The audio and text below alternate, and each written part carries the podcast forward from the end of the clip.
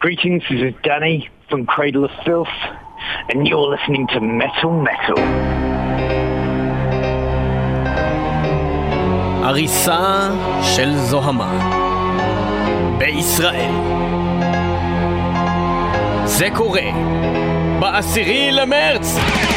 בעשירי למרץ, להקת גריידל אופיל מגיעה לישראל להופיע ברידינג 3 אה, ואנחנו במטאל מטאל לא רק שעושים לכם תוכנית שכולם גריידל אופיל אלא מדברים עם לא אחר דני פילף דני! זוהמני הצעיר. הוא הולך אה, להתארח פה ולהיות איתנו לאורך כל התוכנית הזאת לענות על השאלות שלנו לקבל את ההצקות שלנו. דני, דני, דני, דני דני זוהמני. וזה הולך לקרות היום במטאל מטאל, סולן קרדל אוף פילס ולא אחר הולך להיות כאן, זה מדהים, זה מעולה. אנחנו ממש מתרגשים, גם ההופעה, גם הרעיון הזה. קרדל אוף פילס בישראל, העשירי למרץ 2018 ואנחנו מתחילים את שלוש, התוכנית הזאת בלאגן עם עם הר גוסט Ghost in in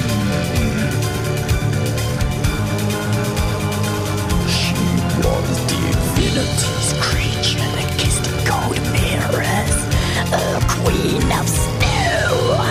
Far beyond compare lips attuned to symmetries under every well. Dark liquid eyes and a radiant nightmare. She should have wanted color from my blood like that. Until all the good and devil get to feel this world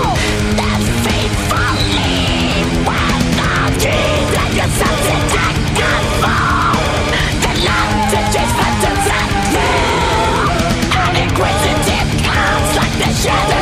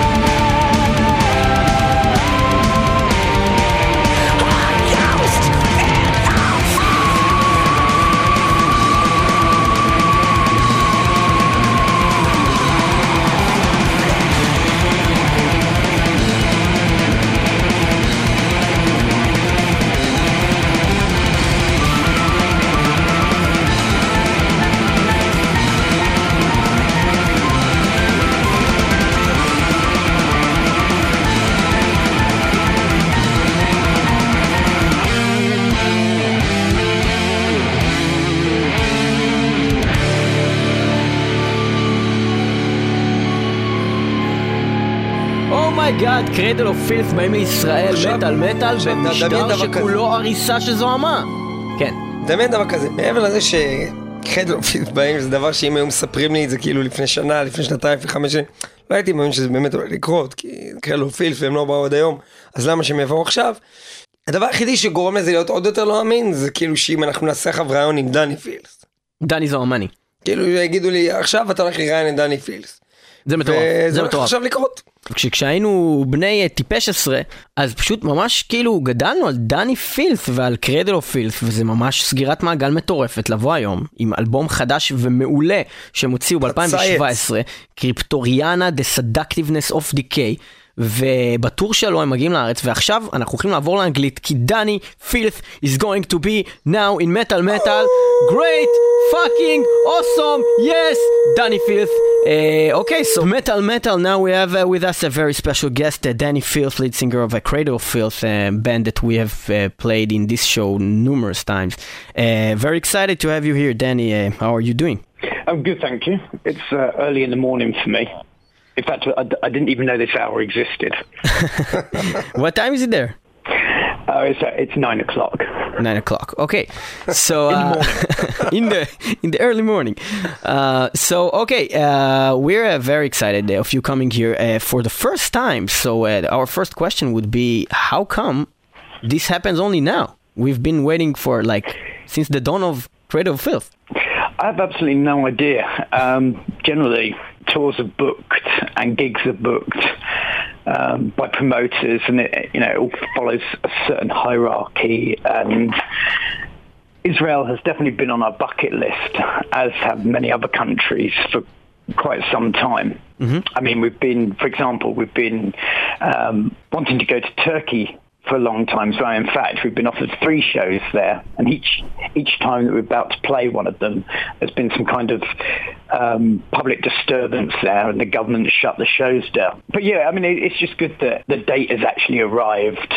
And that we are going to play Israel, but it's not for, for, for lack of trying. Hopefully, the show will be successful, and we'll have the opportunity to regularly visit Israel. Talking about your uh, latest uh, effort, uh, the seductiveness of uh, decay, uh, which we think is one of your best works ever. We love this album. We think it's Amazing. just amazing. Uh, we wanted to know, first of all, would you consider that yourself that this is uh, one of uh, Cradle of Filth's best works? And also, how did you feel when you released it, as uh, before people heard it? Well, obviously, every time we leave the studio, we have to be 100% happy with what we've created.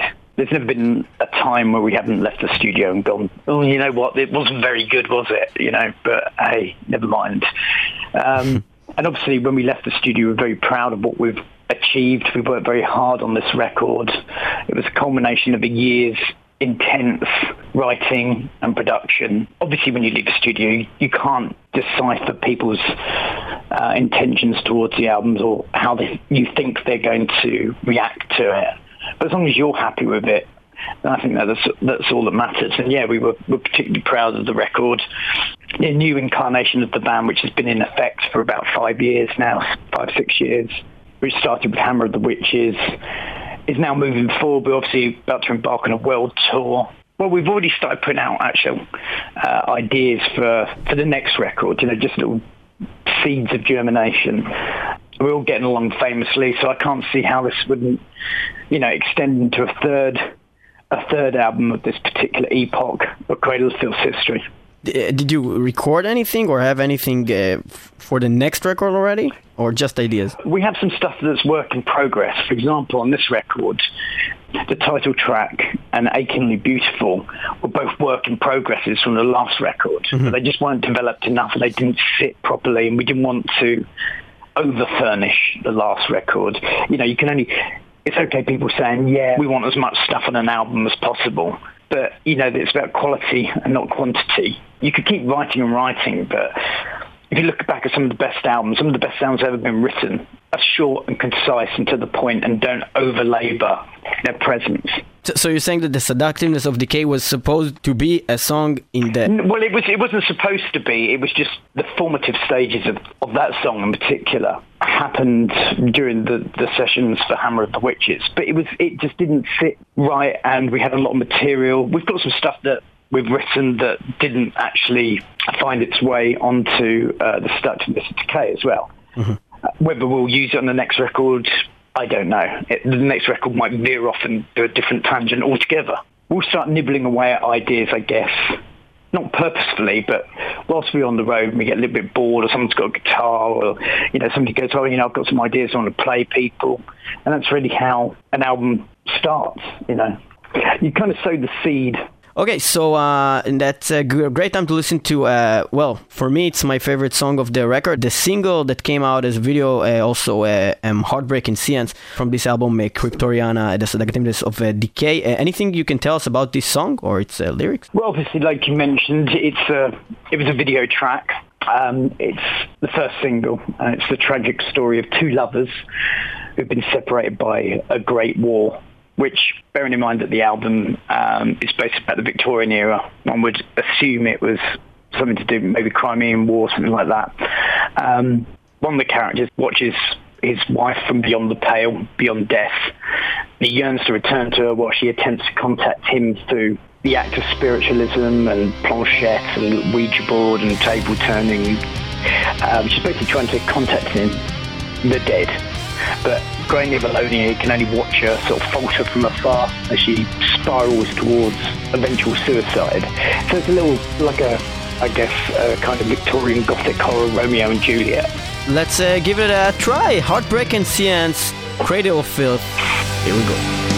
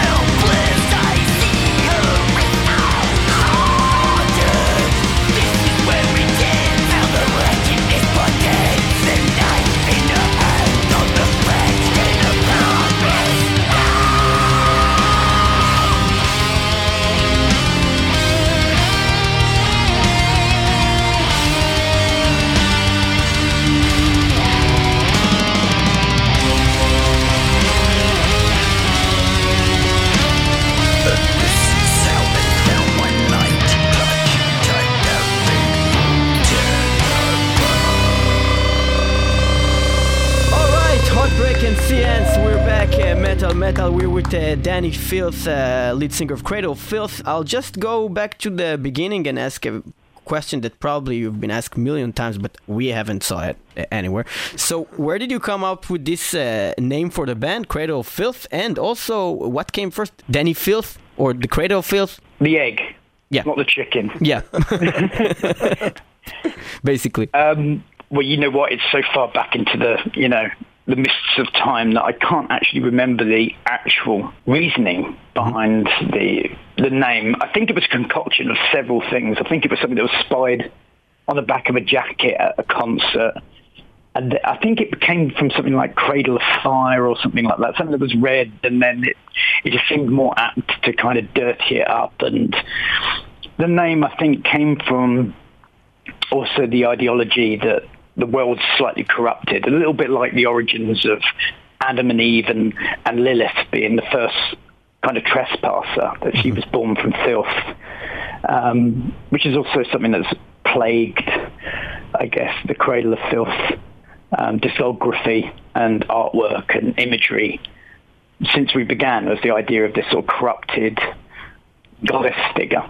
So in a way, you came back to that uh, That's the egg. concept of uh, of in Lilith uh, Immaculate. Yeah, I think it's something that we, we often revisit. Yes, definitely. Um, and Lilith herself is a very strong character, with origins in Jewish mythology, as you obviously know. Um, But I can't remember who actually came up with the name. Obviously, when you start a band, and I know this because obviously I've had a couple of other bands, Temple of the Black Moon, and my current band, other band, Devilment.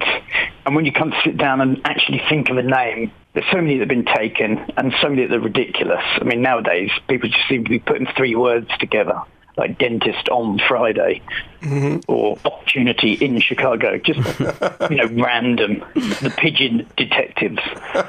Um, people are just running out of, uh, of things to, to, to Yeah, today there's like re- really good sites that actually generates uh, metal band names. I think I I think can the, imagine there are. I, I think the the pigeon detective is great. First of all, and It's uh, actually it is a real band. It's, it's a real band, and the, and the band hate the name. They really hate it. I don't know why they came up with it. I was told, uh, like an indie band. My friend actually is a, uh, is a merch guy for them. But um, awesome. Yeah, I think it, it's really really difficult. And I think even back then, which would have been what ninety one. Um, 1991, not 1891, not that old. I think even back then it was a bit difficult to, to come up with something. I think, uh, you know, if you've seen the list of bad names, you've probably gone, oh my God, just give up now. And uh, you have a, a very extreme visual and lyrical content on your works. And uh, did you ever get in trouble for it in a way? Uh, having naked women in bathtubs full of blood and T-shirts that are saying uh, Jesus is a cunt and stuff like that. satanic references. Oh yeah, yeah. I mean, we have in the past, but ironically, when we go to the states, you'd imagine lots of people rocking up with, you know, signs and being riots and things like that. But none of that's really ever occurred with us. We had a, a little bit of trouble in Russia. We were on tour at the same time as Cannibal. Cannibal mm-hmm. Corpse in, mm-hmm. in Russia, and they had all the trouble, and we just had like one show cancelled. And obviously, yeah, in the past, you know, we've been arrested at the Vatican. Um, we've had a lot of trouble with, with various designs, but ironically, covers have been banned for the most stupid reasons. I think pornography. We had to replace the cover because the original length of the hem of the dress that the girl was wearing was a little bit short. It showed her knee. Really? In said, which no, country? No, that's that's woo. In what America. In, America, but you had before that uh, uh, on uh, from the Cradle to Enslave EP, like uh, I don't know, uh, a woman that is being butchered inside a, a bathtub with uh, I don't know, like how did that? That's like less Well, I guess, extreme than. I guess I guess over the years we've moved from different distributors. Mm-hmm. Um, If anything goes into Walmart, you know, just forget about it. You really, you know, you might as well just have a, a massive sticker that says "Don't buy it" on it. They used to sell bullets on Walmart. Oh, they still do. God, yeah, they still do. But that's Oh, my that's God. the ideology of America, isn't it? Someone gets killed in America, massive, you know. Someone comes and guns down 62 people, and the first thing everybody does is go out and buy guns. It's a good idea. and put Literally illogical. yeah, and put some uh, PMRC stickers on uh, on on you know on albums on metal albums. Um, Maybe it's also because that uh, pornography sounds like pornography. Yeah, maybe. Uh, talking about pornography, I don't really know what happened around the world, but uh, in Israel, when this album came out, I think that mainly us two were like really big fans of it. But you know, the the black metal scene, they're like true and kvlt and whatever, trying to uh, be very. Oh no, this is going towards kind of something more, let's say, mainstream in a way. So this is not black metal, and we really loved this album. We think it's it's a really great uh, thing. It was different than what you did in the '90s for sure, but uh, very melodic and great album. And uh, how was that perceived in, in the in the general world from your experience? Well, I mean, it sold really well, but I know I know what you mean. If you look at the back can- catalogue and canon of the band, there's a lot of people that do look at that and say, mm, you know, that's least favourite record because it does veer towards being a little bit commercial. Um, something that I've kind of replicated, I guess, with my other band, Devilment. I see that as an extension of the sound from that record. Um, ironically, nowadays, a lot of people revisit that album and go, "Oh yeah, actually, I really like this." Um, it's just taken a long time for people to realise it, it, it's a great record. I mean, I really love it as well. I think it's got some brilliant songs on it, and um, we still play Under Huntress Moon live. Um, sometimes we play Dirge Inferno. I really would love to play I, I Am the Thorn again.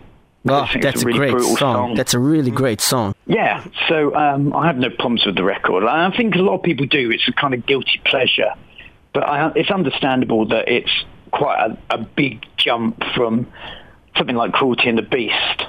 And, and talking about Cruelty and the Beast, I've actually was in the studio this week, and I'll be in the studio again next week, uh, working with the producer Scott Atkins, who who did Cryptoriana, uh, on a remix, a total remix, total revamp of, of the album Cruelty and the Beast for the 20th anniversary, which which happens next year. So No, it's going to be out the tw- a 20, remix- 20 year yeah, anniversary. that remixed album will see the light of day. Oh, amazing. Uh, I think April, May next year. We haven't got a, a definitive date at present, but it's very exciting because obviously it's a great record. Some people say it's our best record, but the, the production slightly lets it down. So we're doing a total remix, making it sound big and very modern, but without taking away any of the atmosphere. So we're not stripping it back. You know, we're not taking keys away or the reverbs or the inherent atmosphere contained on the album.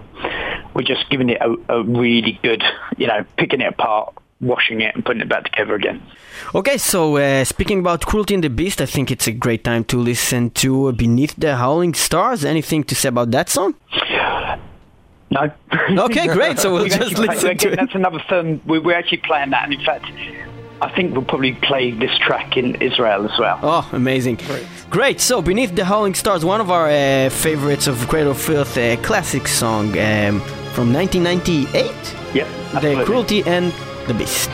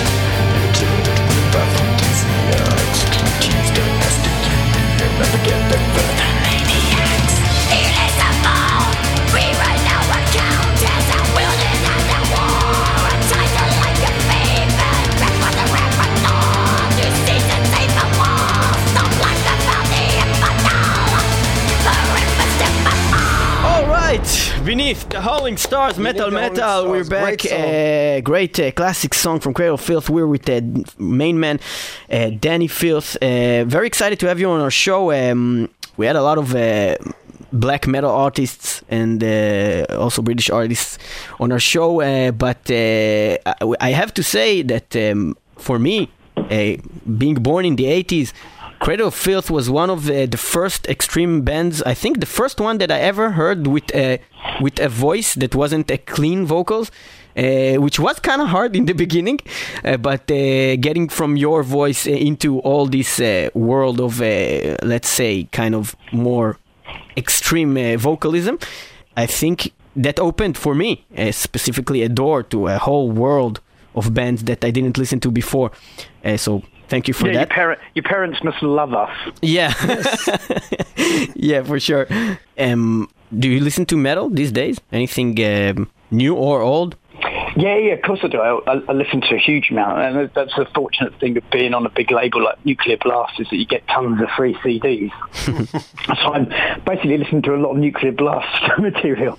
I really like the Last Facts album. I love the new Destruction um, Thrash Anthems 2, which is better than Thrash Anthems 1, to be honest, because it sounds like they're not trying to redo the songs, they're just playing them through, and uh, it's very nostalgic. I, I quite like hardcore as well, so I like the new Blood Clot record, Propaganda, The Bronx. I love the new Satyricon album. I've got that pretty much stuck in the car at the moment, and a bunch of soundtracks as well, um, like uh, Murder on the Orient Express and Exposed, and the last Planet of the Apes album was amazing. Did you get uh, to see any band that you didn't know that was on tour uh, in a way with you or around your, your show in, in a festival or anything like that that you thought like this is great? Well, I saw, um, I played Bloodstock, my band Devilment, this year, and I got to see, yeah, I saw Possessed play, which was great, um, and Ghost, uh, which was awesome as well, real spectacle. Um, but generally, I never really get to see, I didn't go to a huge amount of concerts, mainly because I'm probably away so much that the last thing I want to do when I come home is to go out and see a concert again. And also, I don't live in London. I live in Ipswich, which is out in the countryside. Quite a big town still. And I do go to local gigs, but they're generally bands you would never have heard of. They're sort of underground bands, which is which is cool. It's always the way when we play something like, I don't know, Hellfest, for example. You go there and go, oh, brilliant. You've got the Misfits playing. You've got this guy's playing. You've got this guy. You've got Danzig playing there. You've got Satyricon or Immortal. And you make a checklist. Yeah, I'm definitely going to go and watch this. I'm going to go and watch this. Get very excited about it. And nine times out of ten, probably ten times out of ten, you're either getting ready for the show or you've got press or you've got something you're doing at exactly the same time as the Yeah. band you want to see. Is there an artist in the metal scene that you would like to work with that you haven't had the chance to? not necessarily in the metal scene. We've done something with King Diamond. I mean, it was only a, a jokey kind of song. There was a cover of Cliff Richard's Devil Woman. But to do more stuff with King Diamond would be great because obviously he's got a, an awesome voice and is a bit of a hero of mine. Um, Bruce Dickinson would be cool and or Rob Halford, both of whom I've met, you know, plenty of times. Out of the metal scene, I think Diamanda Galas would, would be great. I know Rotting Christ has worked with her, but Yeah, it's yeah. been something that was on our radar for a long time. Um, Yeah, that was an amazing, amazing song they did with her. yeah, and I, I- I- you know, we've been wanting to work with her since I think I heard the Dracula soundtrack back in, oh, God knows when it was, 92 or something.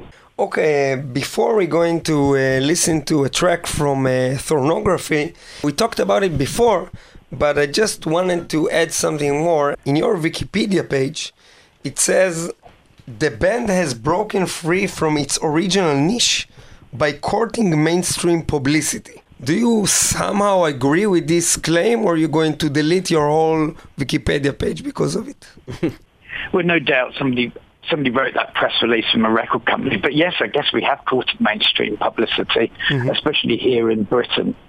Um, at some point, which is good, I think. I think it's good. It's as you mentioned before about um, discovering extreme metal through Cradle of Filth. I think it's opened a door of opportunity to a lot of fans.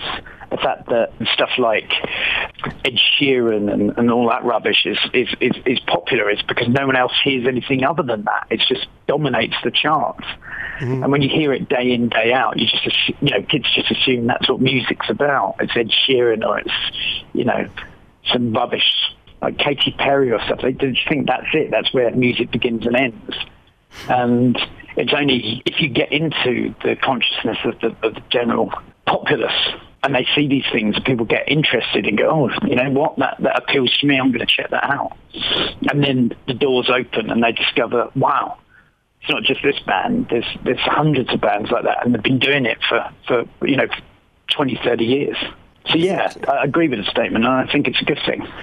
I, exactly. I think that people, especially from the black metal, are very afraid to be considered someone that's trying to approach the big crowd because they're supposed to live in a cave No, I don't bats. believe that anymore. I, I know most I know most people from the big bands, you know, and none of them are like that. They'd all caught the same media attention if they could. There's only a handful of bands. It's mainly fans. It's mainly a, a, a small percentage of fans that want to keep everything under lock and key and mm-hmm. pure and you know dark and want to live in a cave and have pointy sticks and look like a badger. Yeah, I think that that was his uh, uh, initial uh, intention of, of talking about from the fans' uh, perspective that uh, there is some kind of uh, veil around black metal that it should be something very underground, and if it comes out of the underground, then it's not okay. And I, I think even it's bigger than just black metal because it happened also with I don't know, like hardcore Metallica fans when they released their first video. So it's always like there's like the hardcore fans that will take it really hard if some band that was only theirs in their ears in their uh, CD at home and then now everybody loves it, then now they don't like it anymore. Yeah, Um, exactly. all right, so uh, I think it's a great time to listen to a, a little bit more mainstream in a way uh, album uh, called Thornography. We spoke about uh, "I'm the Thorn," which is one of the more heavier song on these albums and also a great, great song. Um, let's uh, give it a try. I am the Thorn.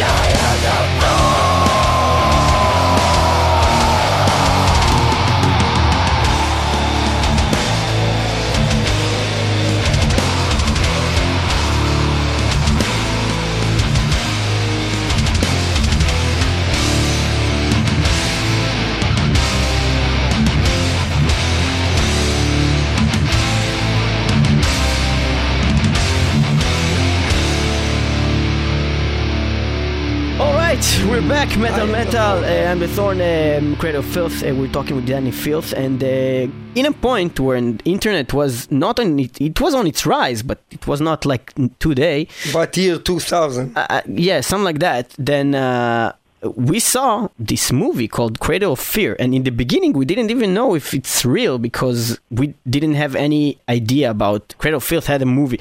So we watched it, and it was actually a movie that uh, you guys uh, made, and it was.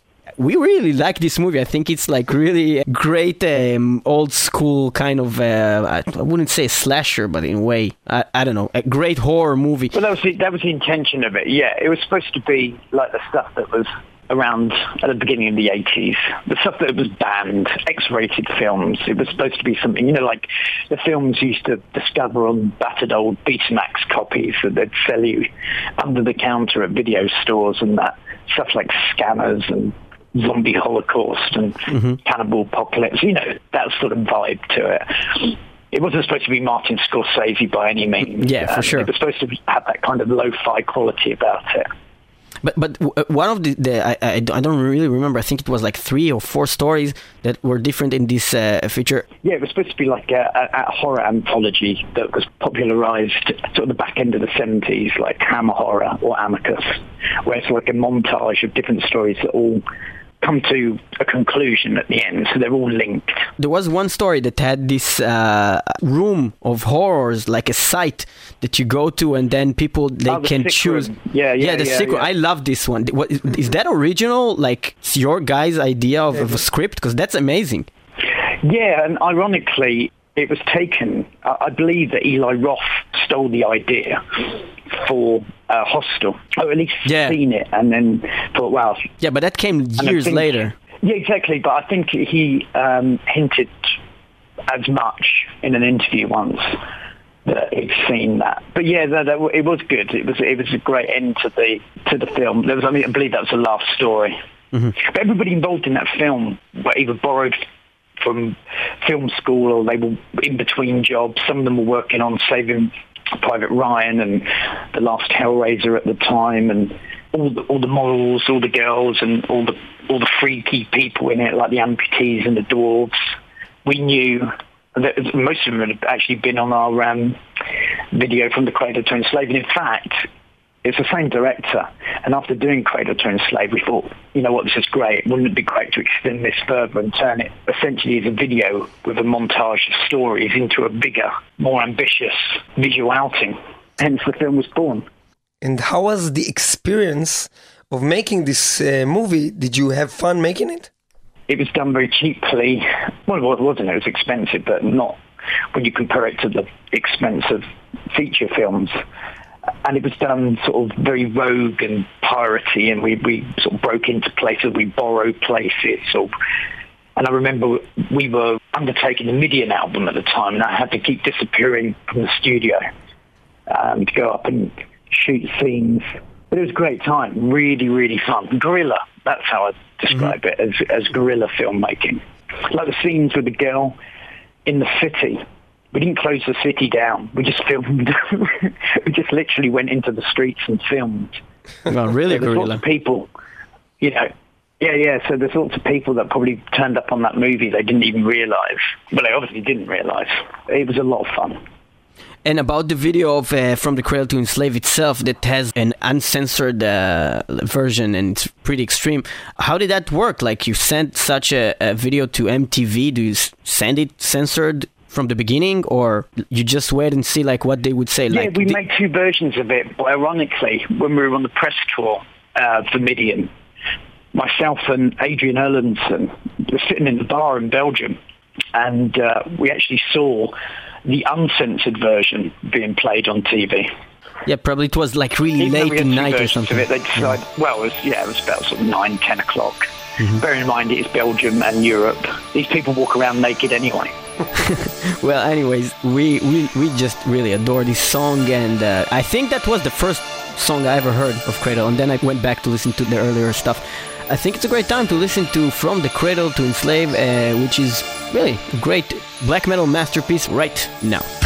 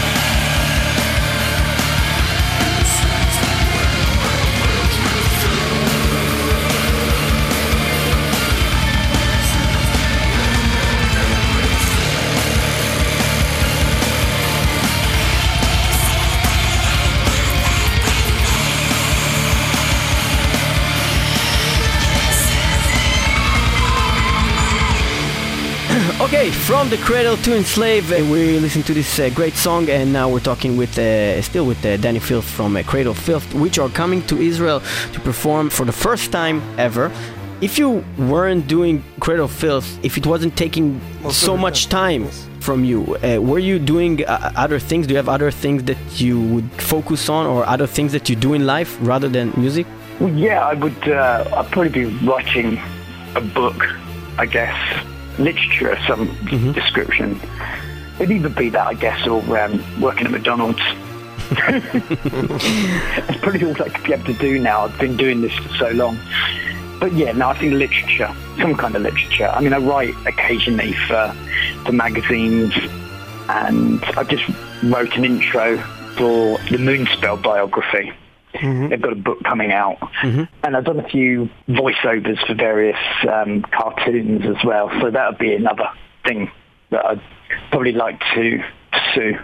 Is there any kind of a hobby or anything that you do that is not related to your voice at all? I played football, and uh, I started to learn to fly uh, light aircraft at one point, but it just got a too expensive because the airfield shut down, so I had to go to a, a further city, and uh, yeah, it just it's, it's one of those things you have to keep at quite religiously, which is very difficult when you're in a band. Not everybody's Bruce Dickinson, you know, and can have like uh, you No. know their own plane and uh, taking the band to to But the yeah, tour it, with. it just makes things very difficult that you can't continue courses because one minute it's fine, you know, you go, right, well, I'm going to go and study this, I'm going to go and do this, take this up. And then you find that you're halfway through that course and then suddenly you're off on tour for six months. So it kind of defeats the whole purpose of it. Just to f- wrap this thing up, uh, I have like a really quick questions and you can answer in like one two words, whatever you feel uh, comfortable with. First of all, what band got you into metal? If there is a specific one, Ozzy Osbourne. is there a specific metal band that you just hate that you can't listen to that you can't can't understand why people listen to? There's bands that I'm not particularly keen on, but I, I understand. Being a musician and having been through all this, I totally understand where people are coming from. I, I respect people's opinions. Mm-hmm. Okay, I've never been a massive fan of stuff like Machine Head for some reason. I've just never really got into Machine Head, mainly because I came from thrash metal mm-hmm. and death metal and stuff, and I always thought Machine Head were, you know, I didn't get when they did the Burning Red. I can't understand how any band could come back from such an abysmal, abysmal album. Um, where they were trying to be like Limp Bizkit, and everybody, you know, and then they come back and be really cool and heavy again and swear a lot, and everybody loves them, and nobody mentions the fact that he wanted to be Fred Durst. But that's just me. well, yeah, I don't I- I- hate the band. I'm just not very keen on them. Yeah, well, for us, actually, the Burning Red was we liked this album, but uh, there were like others that were Called him really Fred hard. Durst. Well, you know, he did something. He had the, these dreads on Yo, with yo. his head, and he was doing some kind of a rap thing there. Yeah, I understand what he's saying. Uh, yeah, but uh, they were Yeah, like, yeah, but again, I don't hate it. I just don't understand it. And Yeah. that's a difference. Do you know what I mean? for sure. Okay, so Metallica or Megadeth? Yeah, well, I've never been. A, I liked early Megadeth. Early liked Megadeth. something- You know, I lost track of Megadeth during the the noughties. Um, Metallica, yeah, big fan, but again, lost track. I think one of the few albums I ever took back was St Anger. I think there's only been two albums I've actually gone back to to the store, and one of them was was Venom's Metal Black, which was just dreadful. Yeah, fuck. Um, and the second one was St Anger. Uh, I it was it was just dreadful. I just Yeah, as soon as I heard it, I was like, this is giving me a headache. no, it, It brought- is, it is dreadful. It was it was amazing. We had this kind of a weird like uh, house party thing, and we, we brought this album, and uh, you know we we bought it without even asking questions because it, it's Metallica. You know, even when they did a really mainstream thing like like Load, Load. It, it was great. You know, so we just bought it, and then we put it on the CD player, and we listened to it from beginning to the end, and we just didn't understand what happened. So we, I thought like, okay, maybe I'm maybe I'm the I, I'm wrong. Let's play it again. And then I just took the, the, the album and I threw it out of the window. It was just, it broke my heart. yeah. Well, Uh, it- I don't know what they were thinking. I liked the new album. I, I like the new album. They seem to have rediscovered. They're not very analytical, and Exactly. everything seems to drag on like too long. Like they spend like three minutes trying to get back to to a point where the song forms again. Uh, they're not very good at self-editing. That's what I mean. That's why they have these massively long songs. I think that's down to Lars because he sort of puts the songs together. And he's not the best. He's a good drummer, but he's not the best drummer in the world, to be fair. And so everything has to have like all these do do do do do do do do do. You know, these. Death Magnetic was like that. It was Death Magnetic was really, really desperately trying to be uh, and justice for all. Even even the way the songs are set out, you know, like well, song four has got to be, you know, a little bit like one, and then we have the fast one at the end. Yeah, It just was a bit, mm, you know. I'll just finish with asking another question. Are you collecting anything? Are you a collector of anything? Because we know that the other pe- people that we, we've interviewed, they all had like these weird collections. Everything in my house is a is a weird, and I, I collect toys, horror toys. I've got so many of them. I collect them, buy them, and put them in my loft. And I don't even open some of them. it's bizarre. I know. It's just a weird fetish thing I have. Um, antiques, weird, strange antiques. I've got two mummies, and you know Doctor Who. Do you know Doctor Who? Doctor Who. Doctor Who? Yeah. Do you know that? Yeah, the sci-fi series Doctor Who. Do you mm-hmm. know? Yeah, for sure. Yes. Yeah, well, I've got a, a Dalek, a life-size Dalek. from Oh my God. Doctor Who. you got the whole A black Dalek in your home. he speaks. He speaks. Yeah, yeah. I've got to mend his voice though. He, he speaks and lights up and. So yeah, just weird and wonderful thing. Taxidermy as well. Butterflies and insects and heads. Wait, wait, wait. What do you mean? What Rhino. insect? Like live, Yeah. live insects or like like stuffed insects or what? Well, what? no, no, it's taxidermy stuffed. Yeah, preserved.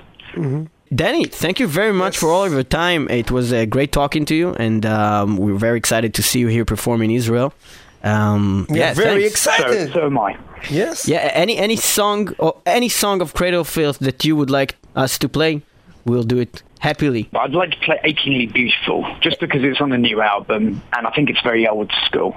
and I think song. it just links perfectly to the fact that, you know, we're coming in support of the Cryptoriana album. It's Cryptoriana World Tour. The, the whole European leg culminates in Tel Aviv. And would it be uh, the same kind of a set list that you're doing every other place, or anything special for Israel? Just because you never came here before? Well, hopefully, because it's the last show and that there's not a, a, a dreadful curfew, hopefully we'll play a bit of an extended set. Oh yeah. Yes. Um, you should, yes. we play stuff from right across our, you know, our catalogue. It's not just the new album. We play new stuff. We play stuff from the old Hammer of the Witches, then stuff from Cruelty, Godspeed, Thornography, Nymphetamine, Principle. You know, there's there's a lot of different stuff that we play. Awesome. Dani, thank you very much. Uh, it's been a pleasure. We'll see you here in uh, Tel Aviv. Absolute pleasure. Cheers. Great. Cheers. Bye bye. Bye bye.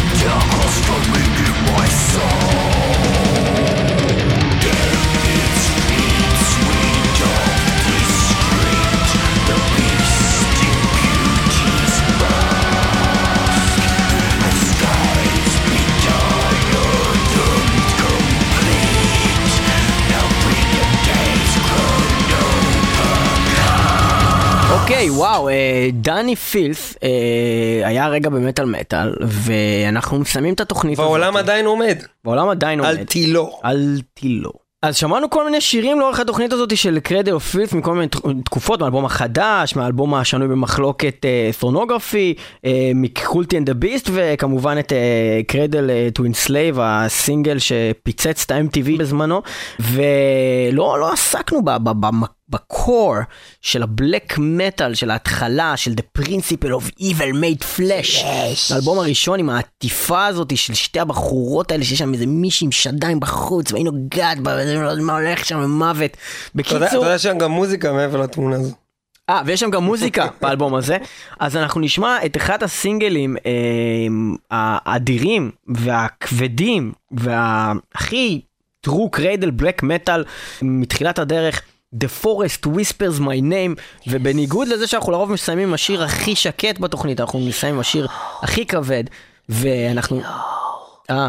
אני היער, אוקיי. אני קורא השם שלך, מה אתה רוצה?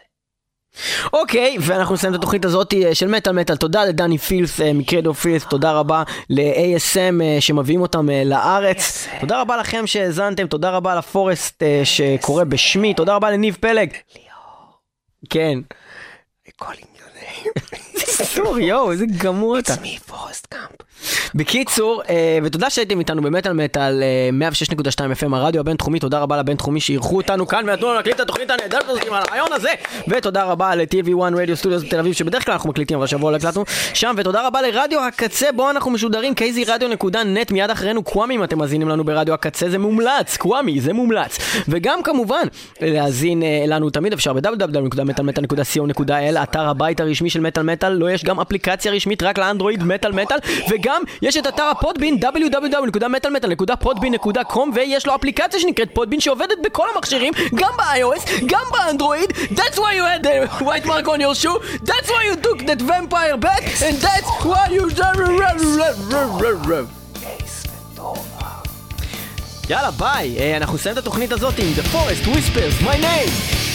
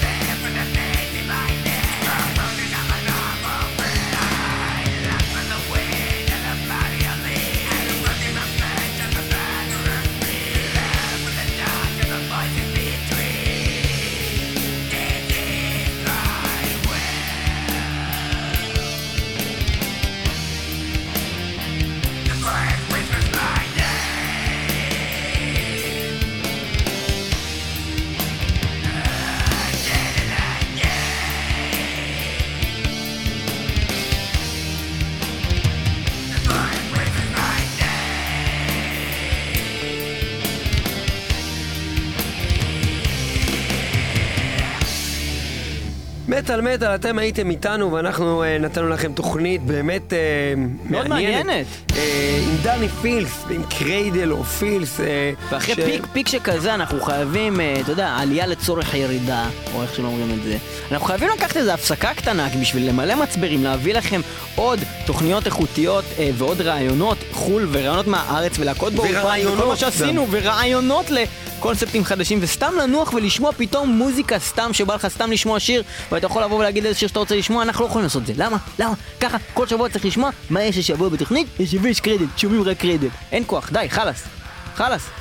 אה, אתם מוזמנים לכתוב לנו בקבוצת הפייסבוק שלנו על רעיונות שאתם רוצים אה, שנעשה כאן בעונה הבאה של מטאל מטאל. להקות שהייתם רוצים שנראיין, אה, מעבר לזה, רעיונות לקונספטים, פורמטים שכבר עשינו שאתם רוצים שנחזיר אותם לסיבוב נוסף, כתבו לנו בקבוצת הפייסבוק שלנו מטאל מטאל בפייסבוק, ואם אתם לא חברים אז הגיע הזמן להצטרף, אחת הקבוצות הכי פעילות במטאל, ברשת, אולי בעצם הגדולה והוותיקה ביותר, וזהו, יאללה, בואו נראה אתכם בעוד כמה זמן, אה, ויאללה ביי.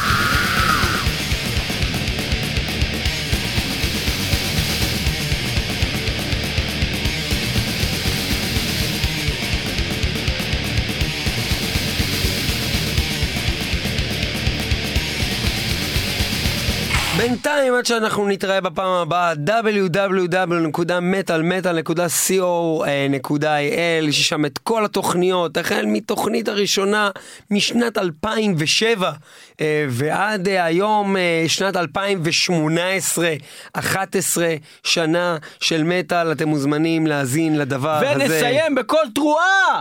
טרו טרואה, טרו טרואה. יום הולדת, יום הולדת, הנה בוא. חודש ינואר, יום הולדת 11 למטאל מטאל, ואנחנו נתראה איתכם בהמשך שנת 2018. יאללה, ביי.